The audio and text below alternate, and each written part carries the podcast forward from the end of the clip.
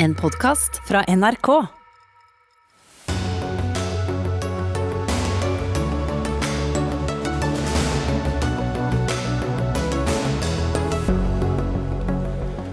I dag åpnet Erna Solberg Høyres siste landsmøte før det er vinn eller forsvinn til høsten. Det blir nok det siste, sier kommentatorer. Har hardeste bombing av Gaza siden konflikten eksploderte. Toppmekler fra Oslo-prosessen er ikke lenger så sikker på tostatsløsningen. Kommuner med lav smitte må gi fra seg vaksiner, ifølge råd fra FHI. Vi som er flinke til å hindre smitte, straffes av staten, raser Tromsø-ordfører. Regjeringen vil endre loven om hvem som kan arrangere motorsportstevner. Kan ødelegge sporten, mener Idrettsforbundet. Og Høyre vil ha forsøk i skolen der elever deles i ulike klasserom ut fra faglig nivå. Det neste blir vel permanent nivådeling, frykter Elevorganisasjonen. Ja, Det er noen av sakene i Dagsnytt 18 denne fredagen, der vi også tar en runde om de nye reglene for elsparkesykler.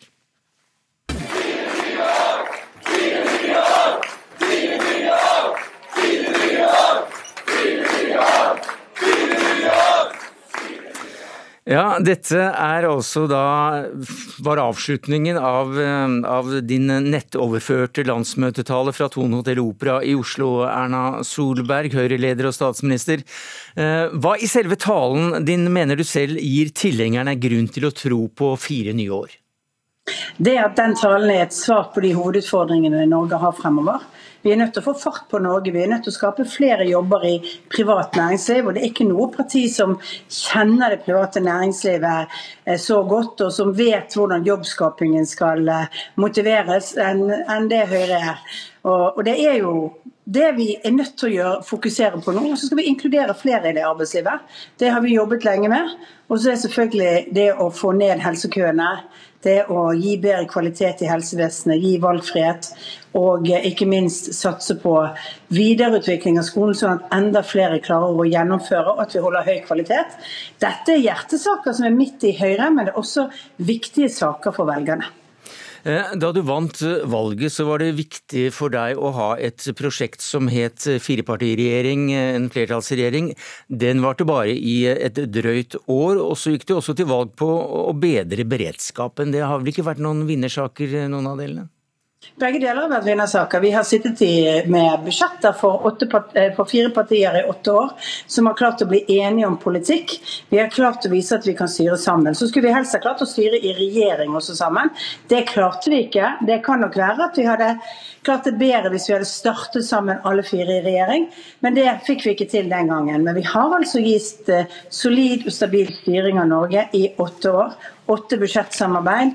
Det er utrolig viktig, og det har bidratt til at vi har et bedre utgangspunkt nå når vi skal jobbe oss ut av denne pandemien. Men det har kostet eh, dyrt. Da. Det har aldri før blitt brukt så mye penger, selv før pandemien. Og eh, jeg ser her at eh, en kommentator mener at dette får denne Rolex-trioen til angrepsrekka i Vålerenga til å framstå som nøysomme. Ja, Det er alltid morsomt med analogier å lage for kommentatorer. Jo, jo. Men det, vi bruker mer penger fordi handlingsregelen faktisk sier det. Du skal bruke mer penger. Det er en innfasing av oljepenger i norsk økonomi. Så har vi brukt mer av de pengene på det som er tiltak for å øke vekstevnen i norsk, eh, i norsk økonomi. Det som gjør at våre barn ikke bare arver en pengesekk i et oljefond, men arver bedrifter, arver en infrastruktur, arver jobber, arver muligheter fremover. Det var det handlingsregelen dreide seg om. Det var å sørge for å investere i lavere skatter, bedre utdanningssystem, mer infrastruktur. Og det har vi altså gjort som det monner. Mm. Så har jeg sagt i dag også til VG at jeg har nok brukt litt penger på velferden også. Ikke minst på de som har dårligst økonomi i Norge, med å gi bedre tjenester til dem. Men vi har vært flinkere enn tidligere regjeringer på å holde oss til hva oljepengene faktisk skulle bruke til. Ikke minst ser vi den fantastiske samferdselssatsingen vi har hatt. Noen vil snakke om deg etter at vi to har snakket sammen, bl.a. Um, Fridtjof Jacobsen, som skrev akkurat uh, dette her med disse Rolex-gutta. Men uh, et sitat fra deg selv i Aftenposten, her sier du at vi er ikke så opptatt av å bekjempe rikdom. Hva la du i det? Det er at Vi er opptatt av å bekjempe fattigdom, og det er det viktige. Det er å bekjempe fattigdom og sørge for å inkludere flere i arbeidslivet. Det er jo vårt fokus på ulikheten i Norge. Jo, men dette, det dette med rikdom også, Unnskyld at jeg avbryter deg, men du sitter, du sitter, litt langt fra meg, så jeg må nesten få inn et ord. For, for det, det, har jo også noe med formuesskatten å gjøre. Den har de ikke fått bort, og dere har sittet i åtte år. Ja, men vi har redusert formuesskatten. Og vi får jo mer enn nok kritikk i den politiske debatten om de reduksjonene vi har gjort. Vi betaler nå mindre skatt på arbeidende kapital i Norge. Alle betaler mindre formuesskatt eh, som har vanlige formuer, fordi vi har redusert formuesskatten totalt, økt innslagspunktet. Men hovedtyngden er jo på å lette for privat eierskap i norske bedrifter. For det er urimelig at nordmenn som eier norske bedrifter, og bedrifter eid av nordmenn, skal ha en større skattepress enn det bedrifter eid av utlendinger. Jeg skjønner ikke venstresidens voldsomme forelsk for at utlendinger skal eie. Passive langt vekke fra eiere, istedenfor lokalt tilstedeværende eh, eierskap. Men så er det da hva som eh, du har sagt at dere har brukt penger på, og det er, en lang, lang liste eh, med, med sikkert gode formål. Men eh, å, å, drive politikk, det er jo å prioritere. Så hva har denne regjeringen din i det siste prioritert ned? Byråkrati. Vi har prioritert å slanke byråkratiet. Vi har sørget for at veksten som var under de rød-grønne, de sentrale administrasjonsapparatene, er blitt mindre. Vi har en ABE-reform som eh, vi får kritikk for i Stortinget. Eh, opposisjonen vil ikke ha den, men de bruker pengene den gir inn. Den har gitt oss 8,5 milliard kroner mer i løpet av disse årene. Vi mener fortsatt at vi skal ha, eh, ha den typen effektivisering nedenfra og opp gjennom den typen mm. ordninger. Vi har laget store forbedringer i samferdselssektoren som bl.a. bidrar til bedre kostnads, altså eh, mer eh, nytte for det vi bygger, men også lavere kostnader. Så hvis vi foretar en faktasjekk, så vil den stå seg godt. Sier du at eh, byråkratiet faktisk er blitt mindre? Jeg sier Vi har stoppet veksten i byråkratiet, i det sentrale byråkratiapparatet, men veksten i offentlig ansatte har økt. Det er fordi vi har flere politifolk, flere som jobber som eh, universitetslærere og er forskere, flere som eh, sørger for at eh, vi får behandling i sykehusene. Men det er jo en villet politikk at vi flytter fra å flytte papir til å gi tjenester til folk. Hva håper du skal komme ut av dette landsmøtet, Erna Solberg? Et sterkt mandat for de viktigste sakene våre, nemlig at vi skal sørge for å få Norge i jobb igjen. At vi skal sørge for å inkludere flere i arbeidslivet. At vi skal sørge for at vi fortsatt både skal ha et godt kvalitativt eh, helsevesen med lave køer, og ikke minst eh, mer valgfrihet. Takk skal du ha, Erna Solberg. Ønsker deg et eh, godt landsmøte. Bernt Årdal, professor emeritus, statsvitenskap Universitetet i Oslo. Eh, du har hørt denne talen, og er det en tale som kan gi ny giv og fire nye år? Jeg syns nok at denne talen viser både Erna Solbergs sterke sider, men kanskje også hennes svake sider. Hennes sterke sider er helt åpenbart det som går på fakta og på detaljkunnskap og grundighet. Det var jo en veldig sånn detaljert og grundig gjennomgang. Det som kanskje er vanskeligere å spore i en sånn tale, det er jo liksom, hva er det som kan skape begeistring både innad i partiet og utad. For det er klart, ethvert parti som har sittet i regjering i åtte år, mm. merker en slitasje. Mange av de sakene man har vært opptatt av, man har inn, gikk inn i regjering, har man enten fått løst eller kanskje stoppet litt opp. Så det Man trenger på en måte nye, nye saker. Men, men det, det Høyre gjør veldig bra, det er nettopp dette med å fokusere på de hovedsakene. Altså Det er arbeid, det er skole og det er helse. Og det er saker som Høyre har et, eh, hadde i hvert fall et eh, veldig sterkt eierskap til ved forrige valg. Det de også har hatt et eierskap til, Fridtjof Jacobsen, politisk redaktør i Dagens Næringsliv, det er jo en slags eh, økonomisk fornuftighet, står det mellom linjene å lese i din kommentar i dag. Men du er ikke veldig begeistret for at på måten det er da håndtert på av Erna Solberg? Det er jo en bragd å holde disse fire borgerlige partiene sammen, eh, som har så forskjellige interesser, og da med Fremskrittspartiet i miksen, som er et typisk utgiftsparti. Eh, men grunnen til at hun har klart det, har jo vært at eh, Høyre har ført en økonomisk politikk som jeg si har vært mye mindre prioritert og langt mer løssluppen med penger enn det f.eks. tidligere høyreregjeringer som Kåre Willoch og sånn tok til orde for. Eh, og det ikke sikkert at en ny regjering vil oppføre seg noe særlig annerledes, men sånn budsjettdisiplin, prioritering, den type ting, det ser ut som det er, det er liksom gått av moten da Jens Stoltenberg forsvant ut av norsk politikk, og Høyre er blitt et utgiftsparti. Og I tillegg til å øke utgifter, særlig til samferdsel, så har de også kuttet en del av statens inntekter. og Det er jo vanskelig da å øke skatter igjen. Det er vanskelig å fjerne særordninger med lavere moms til noen bransjer, gunstige regler for permittering, en del av disse tingene vi har sett i pandemien. Det er politisk krevende å reversere det, for da vil du få veldig kraftig lobbyering og særordninger eh, mot deg igjen. Så, så det boet det er liksom ikke sånn i veldig god skikk når det skal overlates til nye generasjoner. Men det er ikke sikkert at de nye generasjonene kommer allerede til høsten. Og, og hva skal til før uh, Høyre fremdeles kan regjere? Altså det som er, eh, har vært utfordringen for Høyre i hele denne perioden, er jo også det som er utfordringen for dem ved dette valget. og Det er jo å samle alle disse fire partiene, for de trenger alle disse fire for å kunne få et flertall. Og, og, det er klart at uh, I denne perioden så, så har dette vært det er altså Høyre, uh, Venstre og Kristelig Folkeparti sliter med sperregrensen. Uh, Frp har, har, gått tilbake, og sammenlignet med valget så ligger også Høyre litt, litt under. Så Det er jo de som har sagt at sannsynligheten, i den grad man skal foretar slike beregninger, er jo ikke så veldig, veldig høy. En annen sak er jo at det ville jo være en historisk bragd mm. hvis Erna Solberg skulle gå på sin tredje periode, strake periode, for det har aldri før skjedd. Gerhardsen han satt i fem ulike perioder, men med avbrudd. Så, så det, det, det, er litt historisk sus om hun skulle klare det. Men, men det er særlig disse andre partiene eh, som, som da ville svikte i anførselstegn den drømmen som hun nok har om å fortsette. Ja, og Da må hun jo ta stemmer fra andre enn Venstre og, eh, og, og Kristelig Folkeparti? Ja. Eh, og, og, helst også andre enn Frp. Og hvor er det hun da har tenkt oss å beite? Ja, nei, altså det, det, er jo det som også er noe av utfordringen. Eh, Kristelig Folkeparti har mistet velgere til, til Høyre i denne perioden. Eh, delvis så har, har, Frp også gjort det, og vi vet historisk så er det mellom Høyre og Frp det har vært en stor utveksling.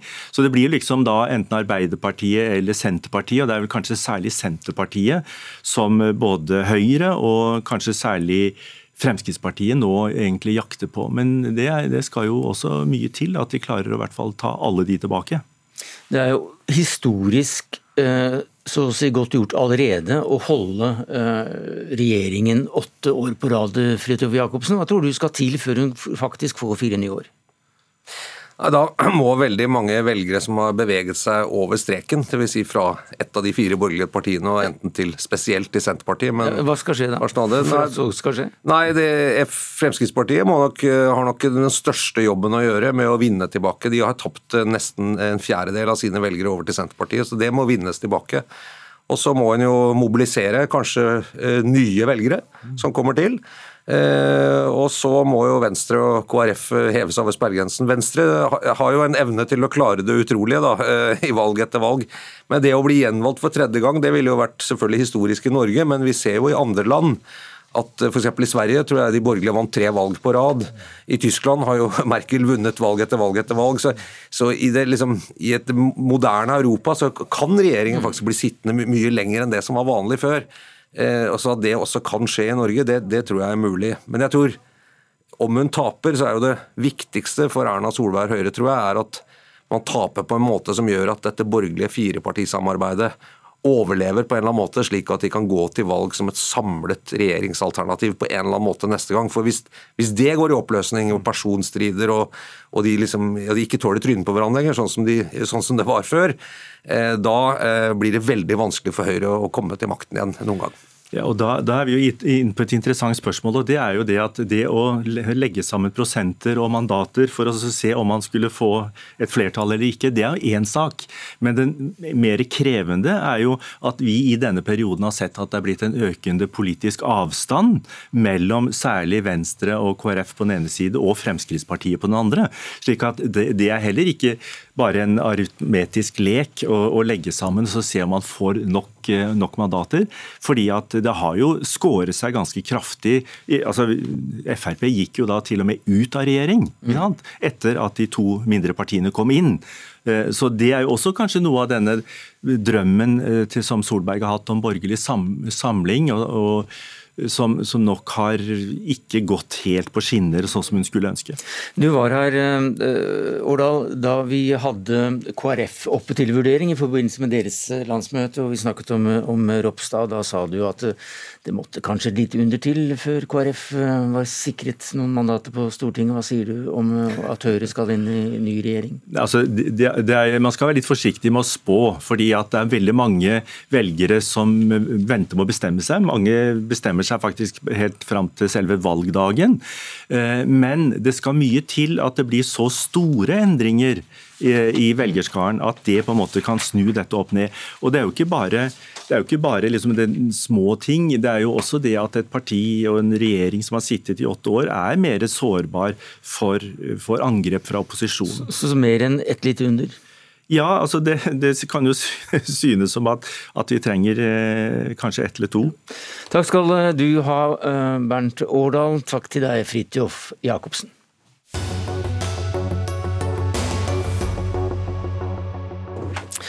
Mange ordførere ble opprørt eh, da de måtte gi fra seg vaksiner i eh, FHIs forslag til ny vaksinestrategi.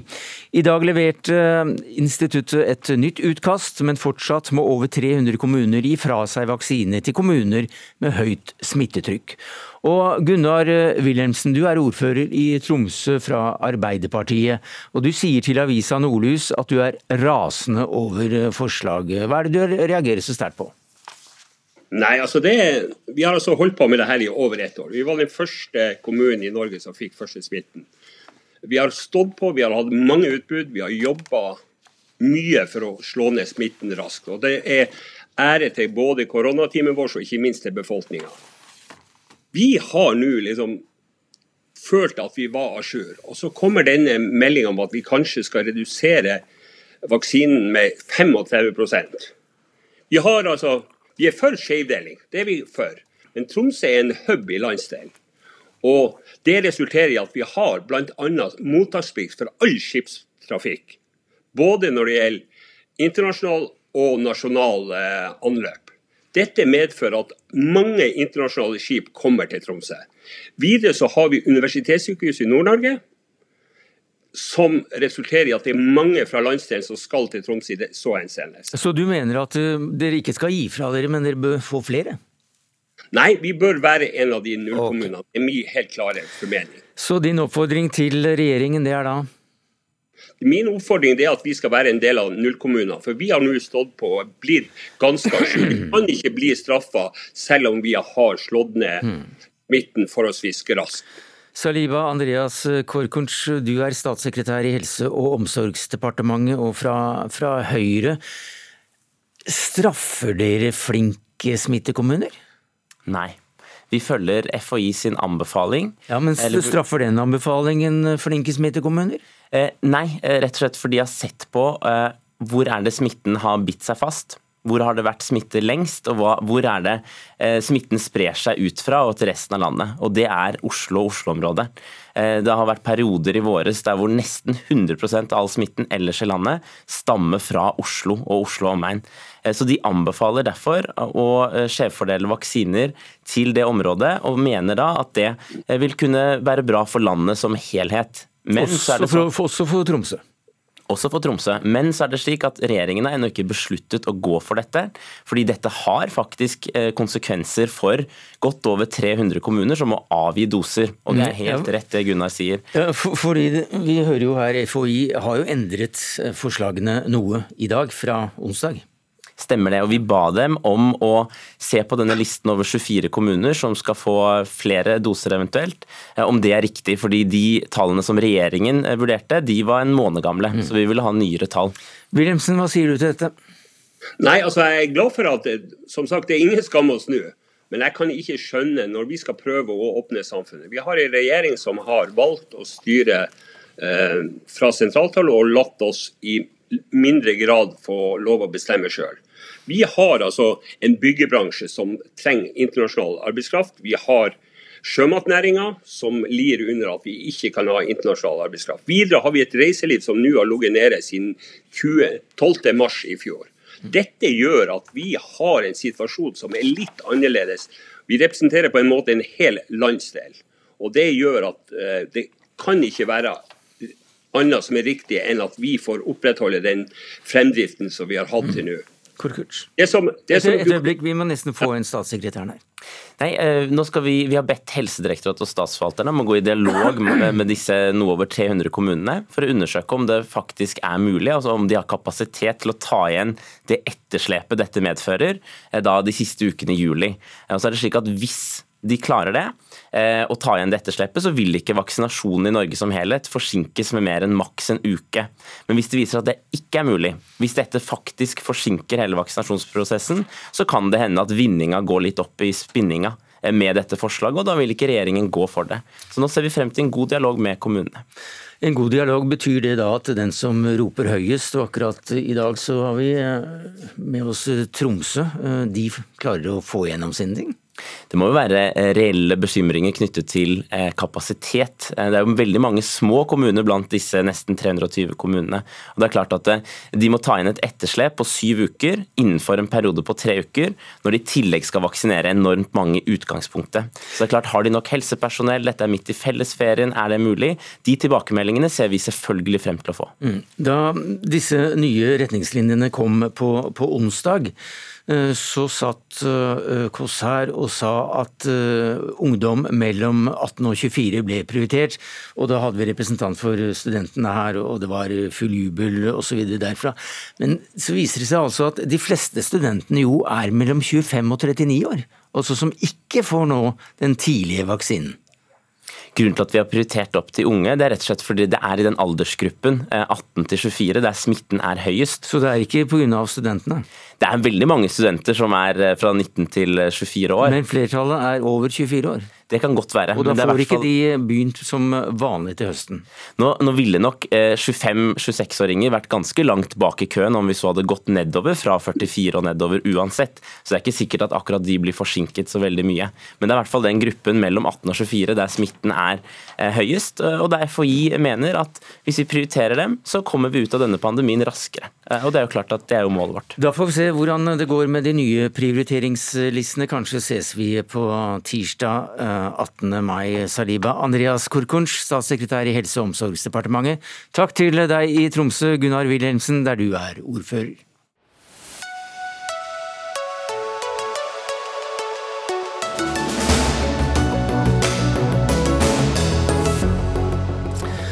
119 drept i Gaza, hvorav 31 barn, ifølge lokale helsemyndigheter. Åtte drept i Israel. Det er fasiten fra de som teller lik i området så langt denne dagen. Nattens bombing var de verste siden konflikten eksploderte for fem dager siden. Og er det opptrapping eller roligere tider som blir signalisert nå, NRK-korrespondent i Jerusalem, Yama Olavsand? Det er jo ingenting som tyder på at eh, det er en nedtrapping vi ser, eh, snarere tvert imot. Eh, I dag har Hamas fortsatt å sende raketter inn mot Israel, og Israel har fortsatt sin intense bombing av Gazastripen. De sier at de rammer Hamas sine tunneler, men vi har jo siden i går sett bilder av veldig mange bolighus som blitt jevnet med jorden. Jeg har snakket med leger inne på Shifa-sykehuset som sier at de har mottatt mange døde som de har funnet i ruinene til disse husene. Så I tillegg til de tusenvis av menneskene som rømte fra israelske bomber, så har mange blitt eh, drept i hjemmene sine, ifølge leger ved Shifa-sykehuset. Og i kveld er det veldig mange som frykter en gjentagelse av den intense bombingen vi ble vitne til eh, i går kveld. Jan Egeland, generalsekretær i Flyktninghjelpen. Hvordan beskriver dine folk situasjonen på bakken? Som eh, ekstremt farlig, ekstremt fortvilende.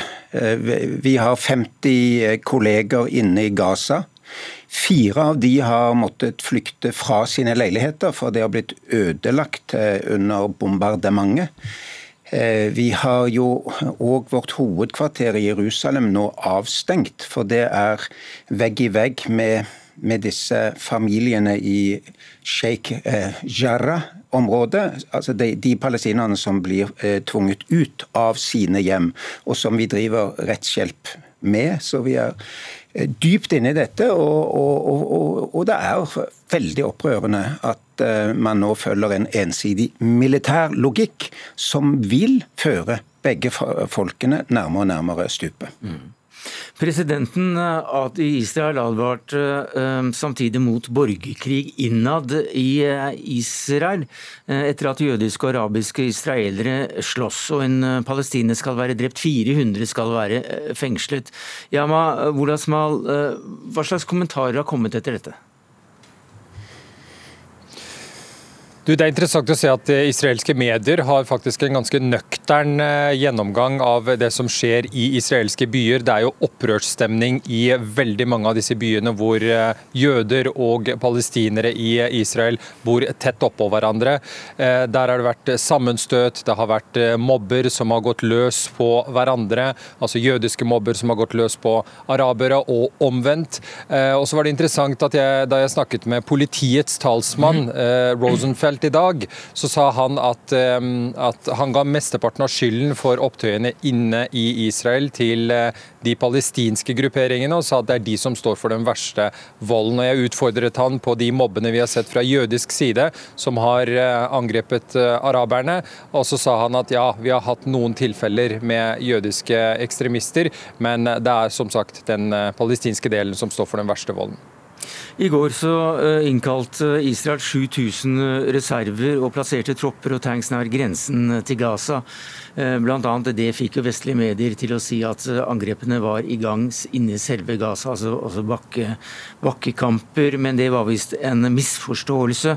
Men eh, forsvarssjefen har sagt at dette nok blir hardere og mer smertefullt enn i 2014. Hva mente han med det? Han var veldig klar i en tale han eh, sendte direkte til eh, folk inne i Gaza og sa at da jeg var forsvarssjef i 2014, så angrep jeg Gaza, og dere ligger fortsatt nede etter det angrepet. Nå er jeg forsvarsminister, og jeg lover dere at dette angrepet vi er i gang med nå, det vi planlegger nå, kommer 2014-krigen til til få 2014-krigen til å blekne. Han la ingenting imellom og advarte om at hvis Hamas ikke sluttet å sende Eh, rakettene sine inn mot Israel, så vil Gaza brenne. Yama Wolasmal, NRKs korrespondent i Midtøsten, nå i Jerusalem. Takk skal du ha. Jan Egeland, eh, nå så kan Gaza brenne. Hvordan kan dette gå enda verre? Hva vil skje da? At mange flere vil dø.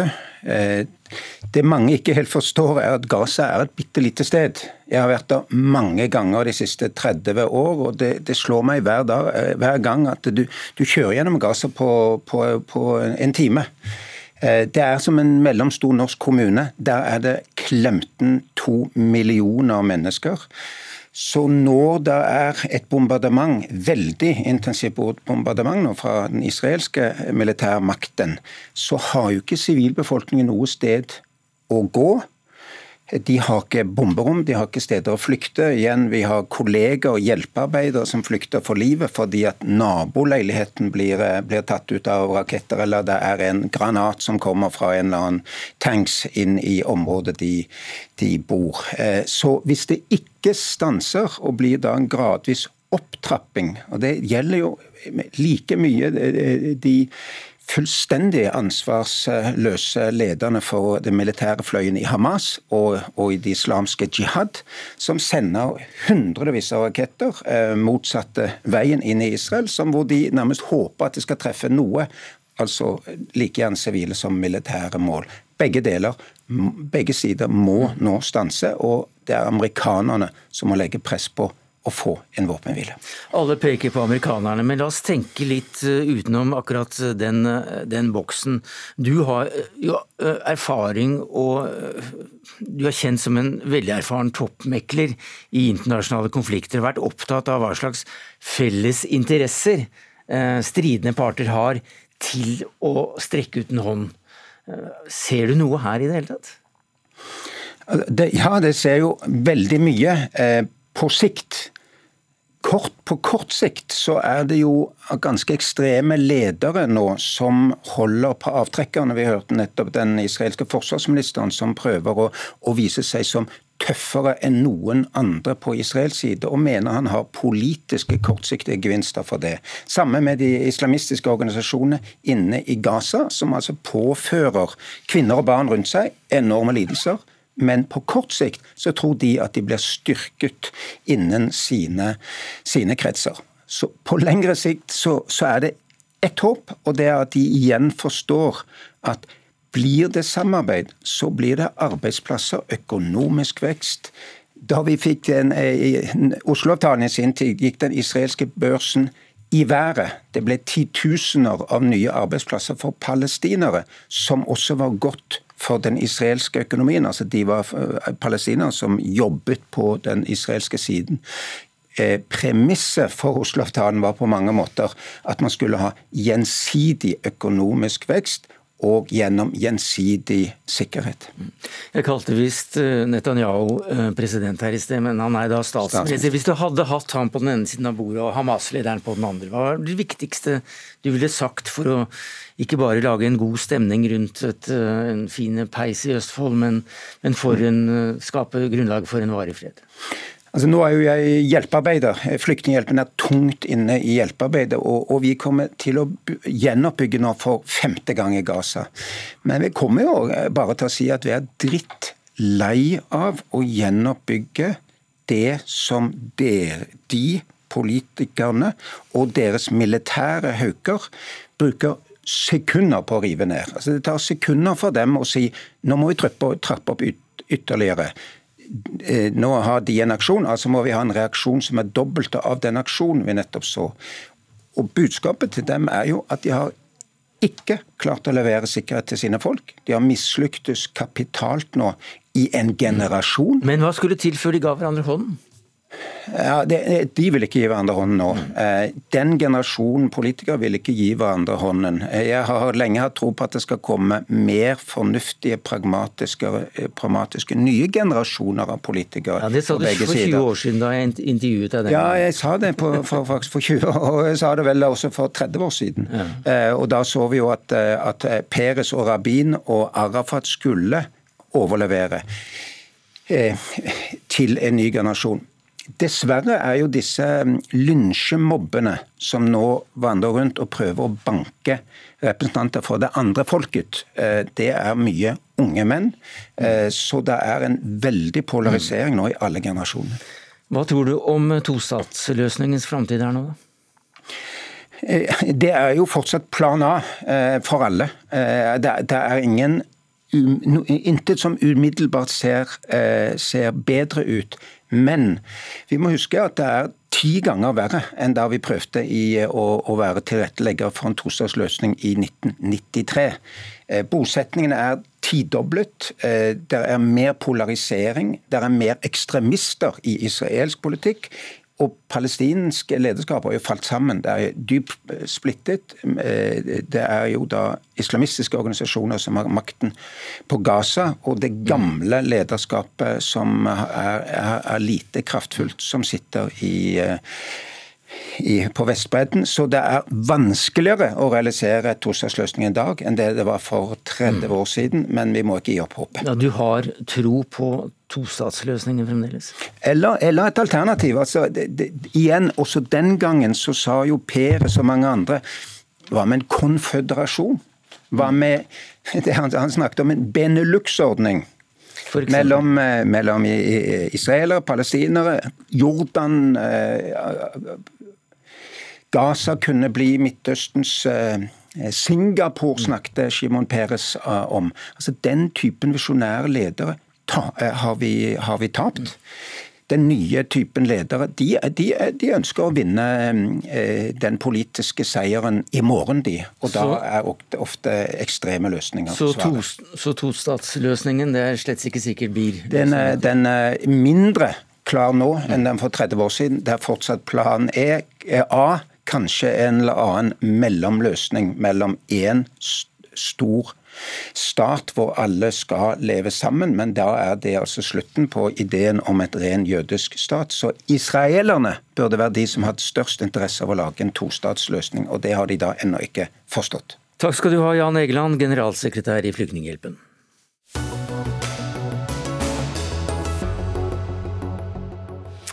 Ja, Høyre vil teste ut økt bruk av faglig eh, nivåinndeling både i barneskolen og på ungdomstrinnet.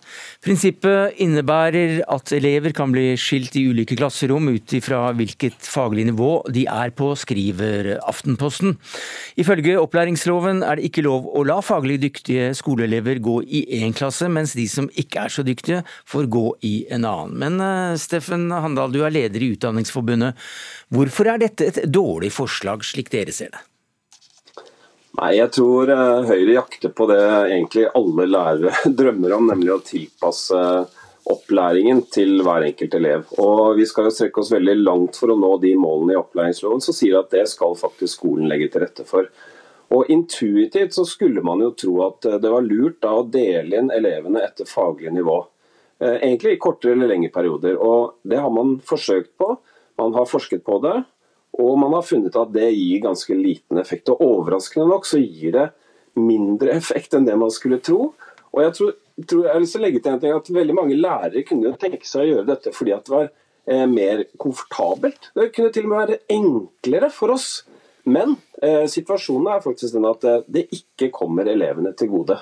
Og så har jeg lyst til å si at eh, Organiseringen av undervisningen kan i dag organiseres eh, etter faglig nivå i en viss periode. Men det kan vi komme, kan så, lurer det jeg på vi hva Høyre egentlig vil her. Ja, Det skal vi også få høre, men først til deg, eh, Mathilde Tybring-Gjedde, som Høyres utdanningspolitiske talsperson.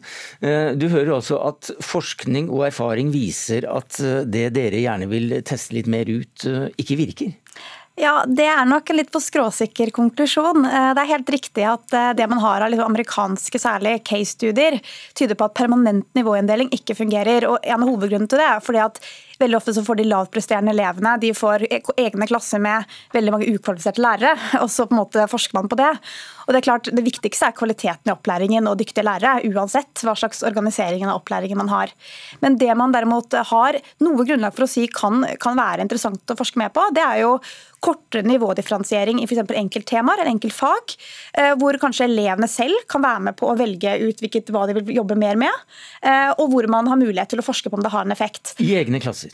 Ja, men egne klasser, altså det må bare nyansere det. da. Altså jeg mener at eh, For å ivareta det sosiale fellesskapet på skolen, så skal elevene i 7B fortsatt være elever i 7B. Men ikke i matte. Der, de er ganske dårlige, de som går i eh, den dummeste matteklassen. Det er litt av en stigmatisering. Det, altså, det det er snakk om, er at man kanskje i noen timer eller over en viss tidsperiode, hvis det er noe man må jobbe mer med, så skal man få mulighet til å jobbe mer med det. Eh, fordi å oppleve mestring. Og jeg tror Vi skal ikke på en måte undervurdere den følelsen mange elever har i norsk skole i dag. Altså Motivasjonen faller veldig kraftig fra 7. klasse til 8. Mm. klasse. Og mye av det skyldes at man har falt bak og ikke får tilpasset opplæring. Så for en del av de elevene så kan dette være veldig verdifullt. Handal. Ja, jeg syns det er litt eh, merkelig dette. fordi eh, det, Man åpner i dag i lovverket for at man kan gjøre dette, men man skal ikke gjøre det i lengre perioder. Og Da lurer jeg egentlig på hvem er det som har et behov her? Er det politikerne som skal vise fram at de vil et eller annet? Eh, og det er, det er også sånn at det er fullt mulig for lærere å søke forsøk og drive virksomhet av den typen som Tybing-Gjedde jakter på her. Og vi vet at det også foregår eh, i dagens skole, så jeg, jeg skjønner ikke helt eh, hva man egentlig vil her. Og, Nei, da, og når man nå, når... da oppklarer vi det med en gang. Hva vil dere? Eh, ja, Det er helt riktig at eh, man prøver at man gjør dette på ulike skoler, men det er ikke noe systematisk. Og for å være helt ærlig, det er veldig mange lærere og skoler som kvier seg for å gjøre det. fordi at I opplæringsloven så står det veldig tydelig at det, man må vite at det er faglig forsvarlig. Det skal komme alle elevene til gode. Men så mangler vi kunnskapsgrunnlag for å vite hva slags modeller med noen nivådifferensiering som kan komme elevene til gode. Og Da er det jo nettopp mange lærere som ikke på en måte tør å sette dette i verk, og kanskje heller ikke får støtte for å gjøre det. Og i Handalen, jeg møter han ellers i debatter, er jo veldig positiv til at eh, lærerne får mulighet til å starte eller ikke grasrotprosjekter og prøve ut forsøk. Hvorfor ikke gi tilskudd og prøve å støtte opp under forsøk som dette? Mm. Jo, det må vi gjerne gjøre, men jeg er litt skeptisk til om vi finner noe nytt her. Og Det du etterlyser, det er det faktisk anledning for akkurat i dag. Og jeg tror faktisk at jeg vet ganske mye om hva norske lærere ønsker seg. Og tilbakemeldingen etter det, forsøk, det, forslaget deres har vært veldig entydige. Det, lærere er egentlig ganske lei av at politikere kommer med Eh, med fasitløsninger fra toppen og skal tre det nedover skolen. Og i hvert fall i en situasjon hvor det er fullt mulig å gjøre nettopp det du etterlyser nå. Men det er klart, hvis man, eh, hvis man har lyst til å starte piloter på dette, helt i orden. Det hadde vært kjempefint. det, Så lærer vi enda en gang sikkert at nivådifferensiering det har sider ved seg som ikke er heldig. Blant annet så viser det seg at det er stigmatiserende. Man tilpasser forventningene både til elevene elevene tilpasser de til hverandre. og Det er i, i, i sin tur med på å egentlig ikke bidra til å strekke seg. Og Du peker jo også på en annen viktig ting. Men og det er at de er et sosialt fellesskap. Unnskyld at jeg avbryter deg, men du sitter på linje utenfor min kontroll her. og det er Tybring-Gjedde, du sitter veldig pent og, og rekker opp hånda her, men får ikke ordet for det for du, Edvard Botteli Udnes, du er påtroppende leder i Elevorganisasjonen. Hvordan reagerer dere på dette forslaget? Altså, Vi stusser egentlig over hva Høyre egentlig mener her. Vil de utvide dagens lovverk, som slår fast at man kan nivået en del i kortere perioder? Og hvem er det som skal bestemme det? Er det lærerne og elevene, eller er det skoleeier? Hvis intensjonen til Høyre er å få bedre tilpassa opplæring, så hadde de bevilga flere ressurser til at vi kunne få ansatt flere lærere. De hadde redusert tidstyvene og byråkratiet, sånn at læreren kan være lærer. Og de hadde satsa mer på elevdemokrati, et ord som ikke er nevnt et eneste sted i programmet deres. Ok, for, bare for å starte der da. Altså De siste årene har vi fått 4500 flere kvalifiserte norske lærere i norske klasserom. Og det er tolv år siden det var like mange lærere per elev. sånn at det har man jo styrket kraftig. Men det vi nå diskuterer er jo hvordan man kan i større grad utnytte det handlingsrommet som er i opplæringsloven. Og jeg må være helt ærlig, altså tilbakemelding fra egentlig mange elever også, og ikke minst foreldre, er jo at, det, at den, den, muligheten til å organisere opplæringen noe ulikt, av de som vil ha større utfordringer i noen av basisfagene, at det gjøres ikke stor grad i norsk skole i dag. Mm. Og...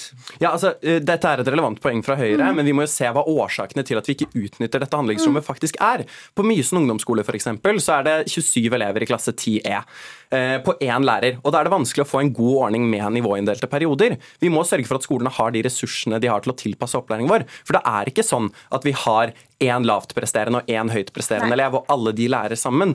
Vi har 27 elever i klasse 10E på Mysen mm -hmm. som er forskjellige og som trenger forskjellige pedagogiske løp. Og da starter Høyre her i feil ende. Vi må ha nivåinndeling, men da må vi ha, da må vi først ha på plass de ressursene vi trenger. Men jeg er jo helt enig i at dette er også et ressursspørsmål. ikke sant? Som sagt, Det er jo derfor vi har styrket, styrket veldig mye satsing på lærerne. Dere begynner i feil ende, hører du. Ja, men det er jeg jo enig i. Altså, vi har jo de siste åtte årene hatt Lærerløftet som den største satsingen. sånn at det vi nå diskuterer er hvordan kan vi lære av de skolene som har prøvd ulike modeller for dette, hvor det faktisk fungerer. I går snakket jeg med en lærer på Engebråten. De har hatt nivådifferensiering i 10. klasse i matematikk. Fått veldig gode resultater. Men han har ikke mulighet til å ha fått forsket på dette, og heller ikke muligheten til å spre dette som en modell som andre kan la seg inspirere av.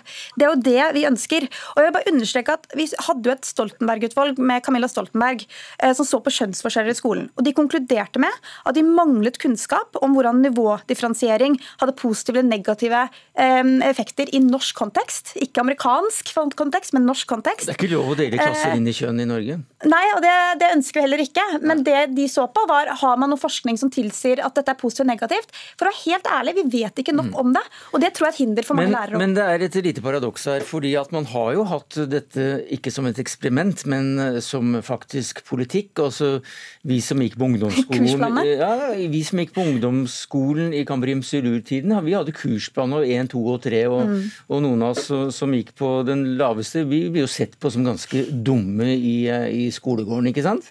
Eh, sånn at man vet vel mye om dette her fra den tiden? Nei, for det er ikke... Det ble jo lagt ned, var det ikke en høyreregjering som la det ned? Det, det skal man ikke gjeninnføre, for å si det sånn. Nei. For det var permanent nivåinndeling. Det som mange skoler har prøvd ut, og som man både ønsker å lære mer om, det er mer kortere nivåinndeling, hvor elevene også kan velge nivå selv, hvor det ikke er statisk i en klasse. For Det har jeg ikke tro på. Jeg tror det øyeblikket du plasserer folk i en klasse, og der skal de være over tid, så skjer det som Handal er inne på, som er en fallgruve man må ta på alvor, nemlig at ambisjonsnivået på vegne av elevene faller. Og det må vi unngå. Mm. Så jeg er interessert i å finne ulike modeller som vi Men unngår det. Der Høyre mister litt troverdighet her, er at eh, ordet tilpasset opplæring det er nevnt i to politikkpunkter i forslaget til program, og det er de to politikkene om nivådelt undervisning. Så her er det et større spørsmål, det er et mer komplekst problem. Og det at nivådeling kan være, for klasse 5A om oldtidens Egypt f.eks., kan være et verktøy i den pedagogiske verktøykassa, det er veldig lurt. Men her virker det som Høyre tror det både er skrutrekkeren og hammeren. Nei, men bare la meg understreke en ting. Hele Høyres program på skole handler om tilpasset opplæring. For det er skolens viktigste oppdrag. Å gi undervisning som er tilpassa hver enkelt elev. Hvorfor går dere ikke inn for en lærernorm, da? Alle, alle punktene, altså Vi har fått 4500 flere lærere. Vi har innført en lærernorm i denne regjeringen. Så, så, spørsmålet er på en måte det vi er opptatt av, er hvordan kan man sikre at man har dyktige lærere, god kvalitet i opplæringen, men også gi mulighet til å lære mer om hvordan man kan organisere opplæringen noe ulik. Hvordan tenker de at dette skal gjennomføres, da? Altså, det her kan gjennomføres f.eks. at man får tilskudd til de skoler og lærerfagfellesskap som ønsker å prøve ut. Og så kan man se på ulike modeller for nivådifferensiering og hvilken effekt de har. Engebråten skole for eksempel, har en spennende modell man kan lære mer av og forske på. Og så er jeg opptatt av å finne ut hvilke betingelser må være til stede. Fordi jeg vil unngå det som jeg også er bekymra for, nemlig at ambisjonsnivået faller. Det skal, skal, dette opp på Høyres landsmøte? Det skal det. Får dere flertall? Jeg tror det. Ja.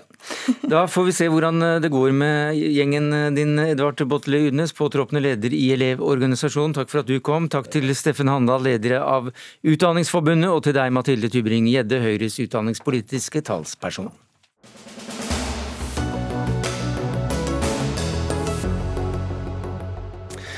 Ja, Som kjent har regjeringen vedtatt nye trafikkregler for bruk av elsparkesykler, som skal gjelde fra 18. mai.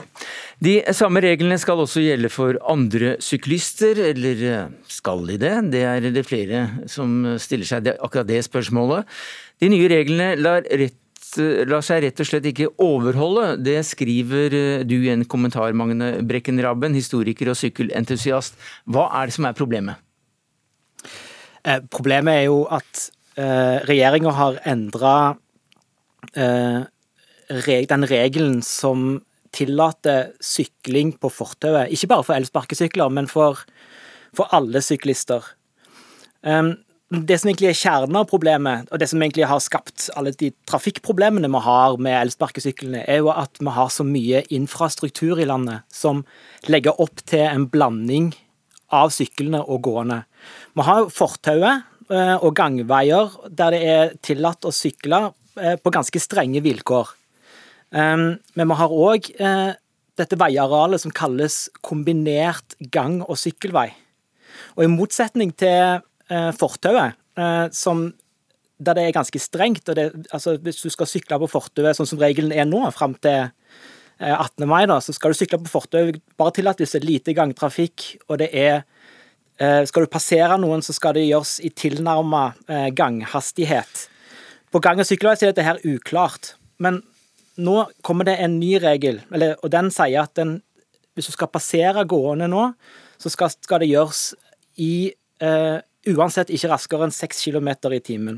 Og så Det som egentlig er, gjør at, jo at jeg skrev denne kronikken, det var det at det lille vi har av rettspraksis, det sier at fotgjengernes eh, vern eh, har blitt i retten eh, sidestilt på gang- og sykkelvei og på fortau. Sånn at det er like sterkt på gang- og sykkelvei som på fortau. Eh, og da, da lurer jeg på Vil det da si at landets syklister fra og med 18. mai, når de møter eh, fotgjengere på en gang- og sykkelvei, som er en helt essensiell del av infrastrukturen for syklister i landet. Det er nesten umulig å komme seg mm. noen vei uten eh, å være på en gang- og sykkelvei. Vil det si at de, når, hver gang de møter en fotgjenger, må bremse ned til 6 km i timen ja og gli sakte forbi. Og hva hvis du møter en fotgjenger som går raskere enn 6 km i timen? Ja. Vil det være lov å sykle forbi joggere, f.eks.? Det er det en del som lurer på nå. Jon Ragnar Aarseth, det er du som kan gi svar på, på dette som statssekretær i Samferdselsdepartementet fra Høyre. Eh, hva er svaret? På eh, gang- og sykkelveg, som det er veldig mye av her i landet, som altså er for gående og syklende, gjerne ved sida av en eh, bilvei, så, det, så, skjer det ingen endring. Det er ingen endring eh, der med dette lovforslaget. Det blir ikke innført noen fartsgrense eh, på gang- og uh, sykkelveier. Eh, så det Da håper jeg vi har rydda den eh, av veien, for å si det sånn. Men det er jo riktig at eh, fotgjengeren er på en måte den svakeste parten her. Og syklene og elsparkesyklene skal ta hensyn til fotgjengerne og passere deg og ferdes med deg på en måte som gjør at de ikke blir utsatt for fare. Men denne 6 km-grensen, hvor kommer den fra?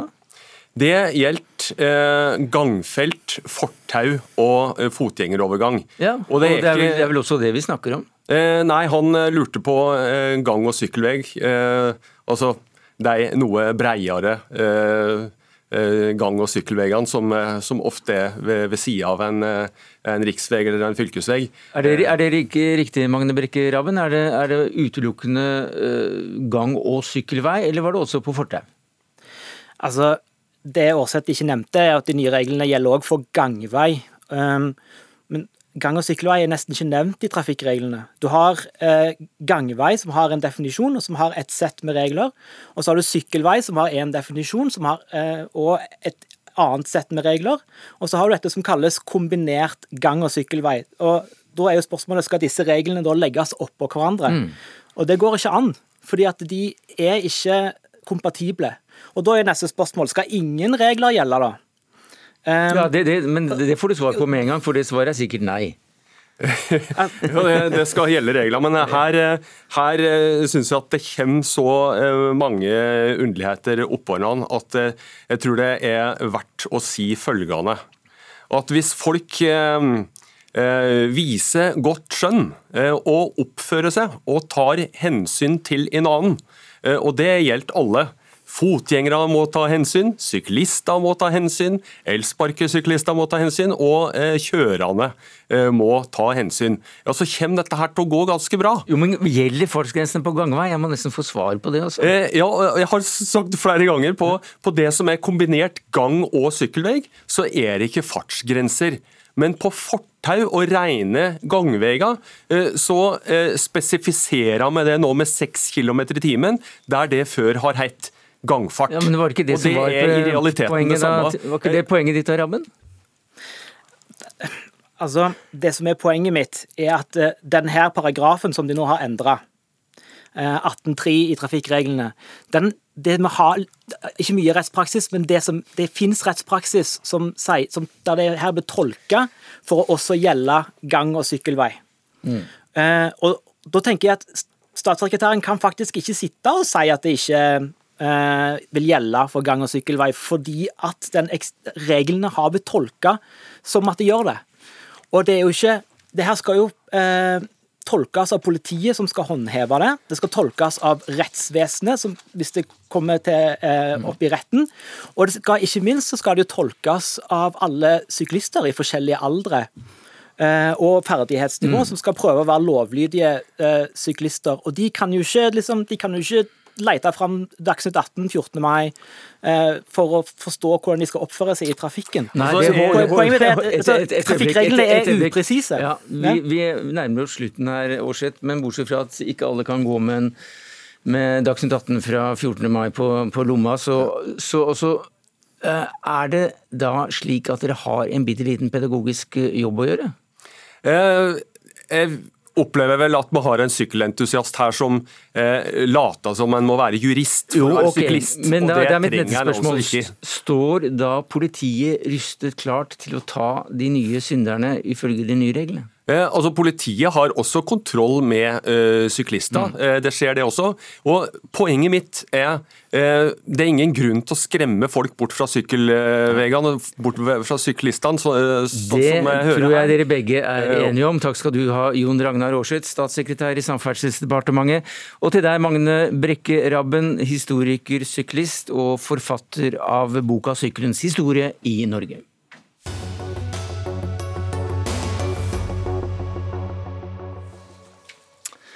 Ja, Vi skal bevege oss fra uh, sykler og til uh, noe som har litt mer uh, kubikk. Og Aarseth, du er blitt sittende, for at du har også noe med neste tema å gjøre. Det er nemlig noen som er litt redd for hva som skjer innen motorsporten. For i riktig gamle dager, som f.eks. var i går, så var det bare to organisasjoner som fikk lov å arrangere motorsport i Norge, men nå skal det åpnes opp. Og Erik Unås, du er styremedlem i Norges idrettsforbund, og dere er bekymret. Hvorfor det? Ja, Vi er jo bekymret for eh, konsekvensen av at det blir eh, frislipp for å arrangere og eh, kjøre treninger for motorsport i Norge. Vi er en sterk norsk idrettsbevegelse, bygd opp en modell gjennom 160 år basert på frivillighet, demokrati. Den fungerer og omtales internasjonalt som verdens eh, beste idrettsorganisasjon, mm. beste idrettsnasjon. Men, men, hva er du mest bekymret for? for vi har 55 særforbund eh, som står i, i, i rekka bak. 11 eh, idrettskretser, 12 000 medlemmer. Mm. Og når Stortinget eventuelt gir frislipp for at hvem som helst nærmest, for nye organisasjoner kan arrangere motorsport, så kommer den samme utfordringen på ski, eh, friidrett, fotball. Eh, den eh, frykten er jo norsk idrett sitter vi inne med nå. Slutt. Ja. Jeg tror UNOS og Idrettsforbundet kan ta det helt med ro. Men vi har en situasjon innenfor motorsporten der det er en del aktører som syns at det tilbudet som eh, Idrettsforbundet sine organisasjoner gir, er for smalt. Eh, det blir for eh, mye alvor. Du må liksom satse konkurranseidrett på et visst nivå for i det hele tatt å ha noe på en bane å, å gjøre. Og Det er noen organisasjoner der som har som har ønska seg veldig å slippe til med litt mer breddeaktiviteter. At eh, du som generelt er bilinteressert eller motorinteressert skal kunne ha muligheten Eh, også du til å komme på en mm. bane og få kjørt litt med den fine bilen som du har stående. Eller... Så smitteeffekten fra dette vedtaket eventuelt i Stortinget vil ikke endre praksis f.eks. innen eh, skiidrett? Nei, det er ingen grunn mm. Eh, til det. Dette handler om motorsport, og det handler om å breide ut motorsport. Og det fordi at dere ikke har gjort bra nok jobb? Motorsporten er også kjempeflink til å jobbe med rekruttering. De er opptatt av mangfold Eh, sikkerhet, eh, antidopingarbeidet, gode regelverk og gode reglement. Og eh, dyktige, godt utdannede funksjonærer Eh, rekruttert gjennom motorsporten. Og så er vi altså kjemperedde for hva skjer nå knytta til sikkerhetsperspektivet f.eks. Når det kommer helt nye aktører inn. Jo, men Du hørte det, du hørte det at dere er altfor alvorlige. Altså, det, det, blir for galt. Altså, andre må få lov å slippe til og lage mindre pretensiøse opplegg. Om å kjøre eh, med bil og motorsykkel på lukka bane i stort eh, eh, tempo. Men nye aktører, det er eh, alvor. Det er store sikkerhetsrisikoer mm. Eh, knytta til motorsporten. Og vi kan ikke slippe amatører til der. Nei, og, og det å i det hele tatt kalle det frislepp det, det, høres ut som det er hvem som helst kan ta med seg en bil og rasekjøre på, på en bilbane. Det er jo ikke det som skjer her. Eh, alt skal foregå innen veldig eh, ryddige og organiserte eh, former. Men, men det å legge til rette for aktiviteter som ikke bare er eh, jeg håper å si blodtrimma biler og, og bånn gass, men at folk som er bilentusiaster, motorentusiaster, som har lyst til å, å, å bruke, bruke, bilen sin og, og, legge til rette arrangement som, som treffer bredere, det burde jo, burde jo Idrettsforbundet og dine organisasjoner være kjempeglade for. I Sverige har en gjort dette og ser at rekrutteringa øker. Mangfoldet blir større når flere får slippe til. Og det, det, får vi til. Det ser vi at norsk Du har ikke fått til det? Altså, du hører jo hva statssekretæren sier her. Ja, eh, ja. Det, er sterkt, det er voksne forbund. Kjempemye god aktivitet i Norges Motorsportforbund. Ja, men dere får, akkurat, dere får, ikke til akkurat, det som regjeringen her eh, etterlyser? Og er det noe som norsk idrett er opptatt av, så er det å få flere aktive til å eh, være med i, i, i, på våre treninger, på våre aktiviteter. Men hva sier du da til kritikken at dere ikke får til dette her? Og Der er vi jo helt uenige. Ja, helt uenige. Ja. Eh, altså når NAF, når Amcar-foreninger, eh, når eh, Norsk Motorhistorisk Forbund sier at vi ønsker flere aktiviteter som når bredere. Kan ikke dere ta og Det er også seriøse, og ordentlige organisasjoner. Det tar vi til, til oss. Og vi er jo opptatt av å samarbeide med mange andre miljøer. Og vi har god erfaring også med såkalte kommersielle aktører, og, og, og samarbeide i norsk idrett og ta de til oss. Men uh, istedenfor å gå så fort fram, altså norsk idrett uh, Idrettsforbundet har ikke vært høringspart på denne saken engang. Vi skulle finne gode mm. løsninger for å møte aktørene. Okay. Dine men, men i hvert fall så fikk vi høre i, i ja, Vi her. fikk i hvert fall vite at smitteeffekten når det gjelder å, å, å, slippe det helt fri, den er ganske liten. Takk skal dere ha, Jon Ragnar Aarseth, stats, statssekretær i Samferdselsdepartementet, og til deg, Erik Unås, styremedlem i NIF. Det var det vi rakk i Dagsnytt 18, takket være ansvarlig for det hele, Anne Katrine Førli. Det tekniske ansvaret hadde Frode Thorshaug. Jeg heter Sverre Tom Radøy.